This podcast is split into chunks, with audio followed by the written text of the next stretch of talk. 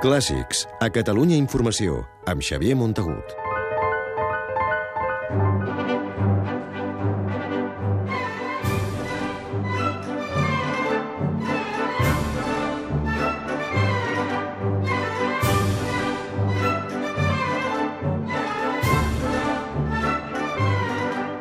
L'American Ballet, una de les millors companyies de dansa de tot el món, ha debutat aquesta setmana al Liceu de Barcelona amb un dels grans clàssics del repertori, Don Quixot. Feia 41 anys que no es representava al Gran Teatre de la Rambla aquest ballet complet. L'ocasió, doncs, es mereixia una gran companyia com és l'American Ballet, que dalt de l'escenari llueix una tècnica prodigiosa en aquest muntatge colorista de Don Quixot.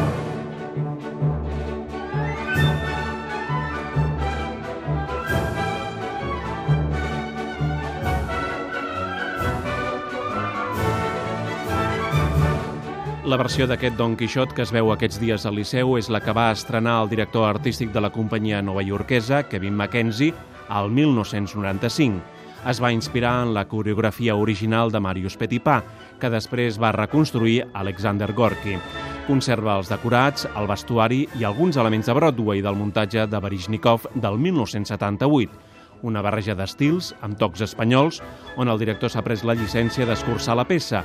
El ballet no arriba a l'hora i tres quarts i dotar la coreografia de més rapidesa i dinamisme que les tradicionals versions dels ballets russos.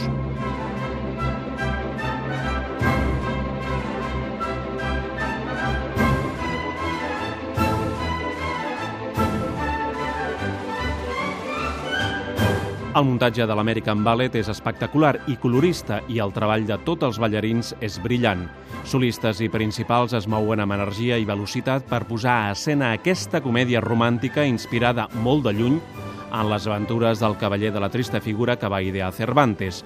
Don Quixot i Sancho Panza hi són presents, però la protagonista és la història d'amor de Quiteria i el barber Basilio.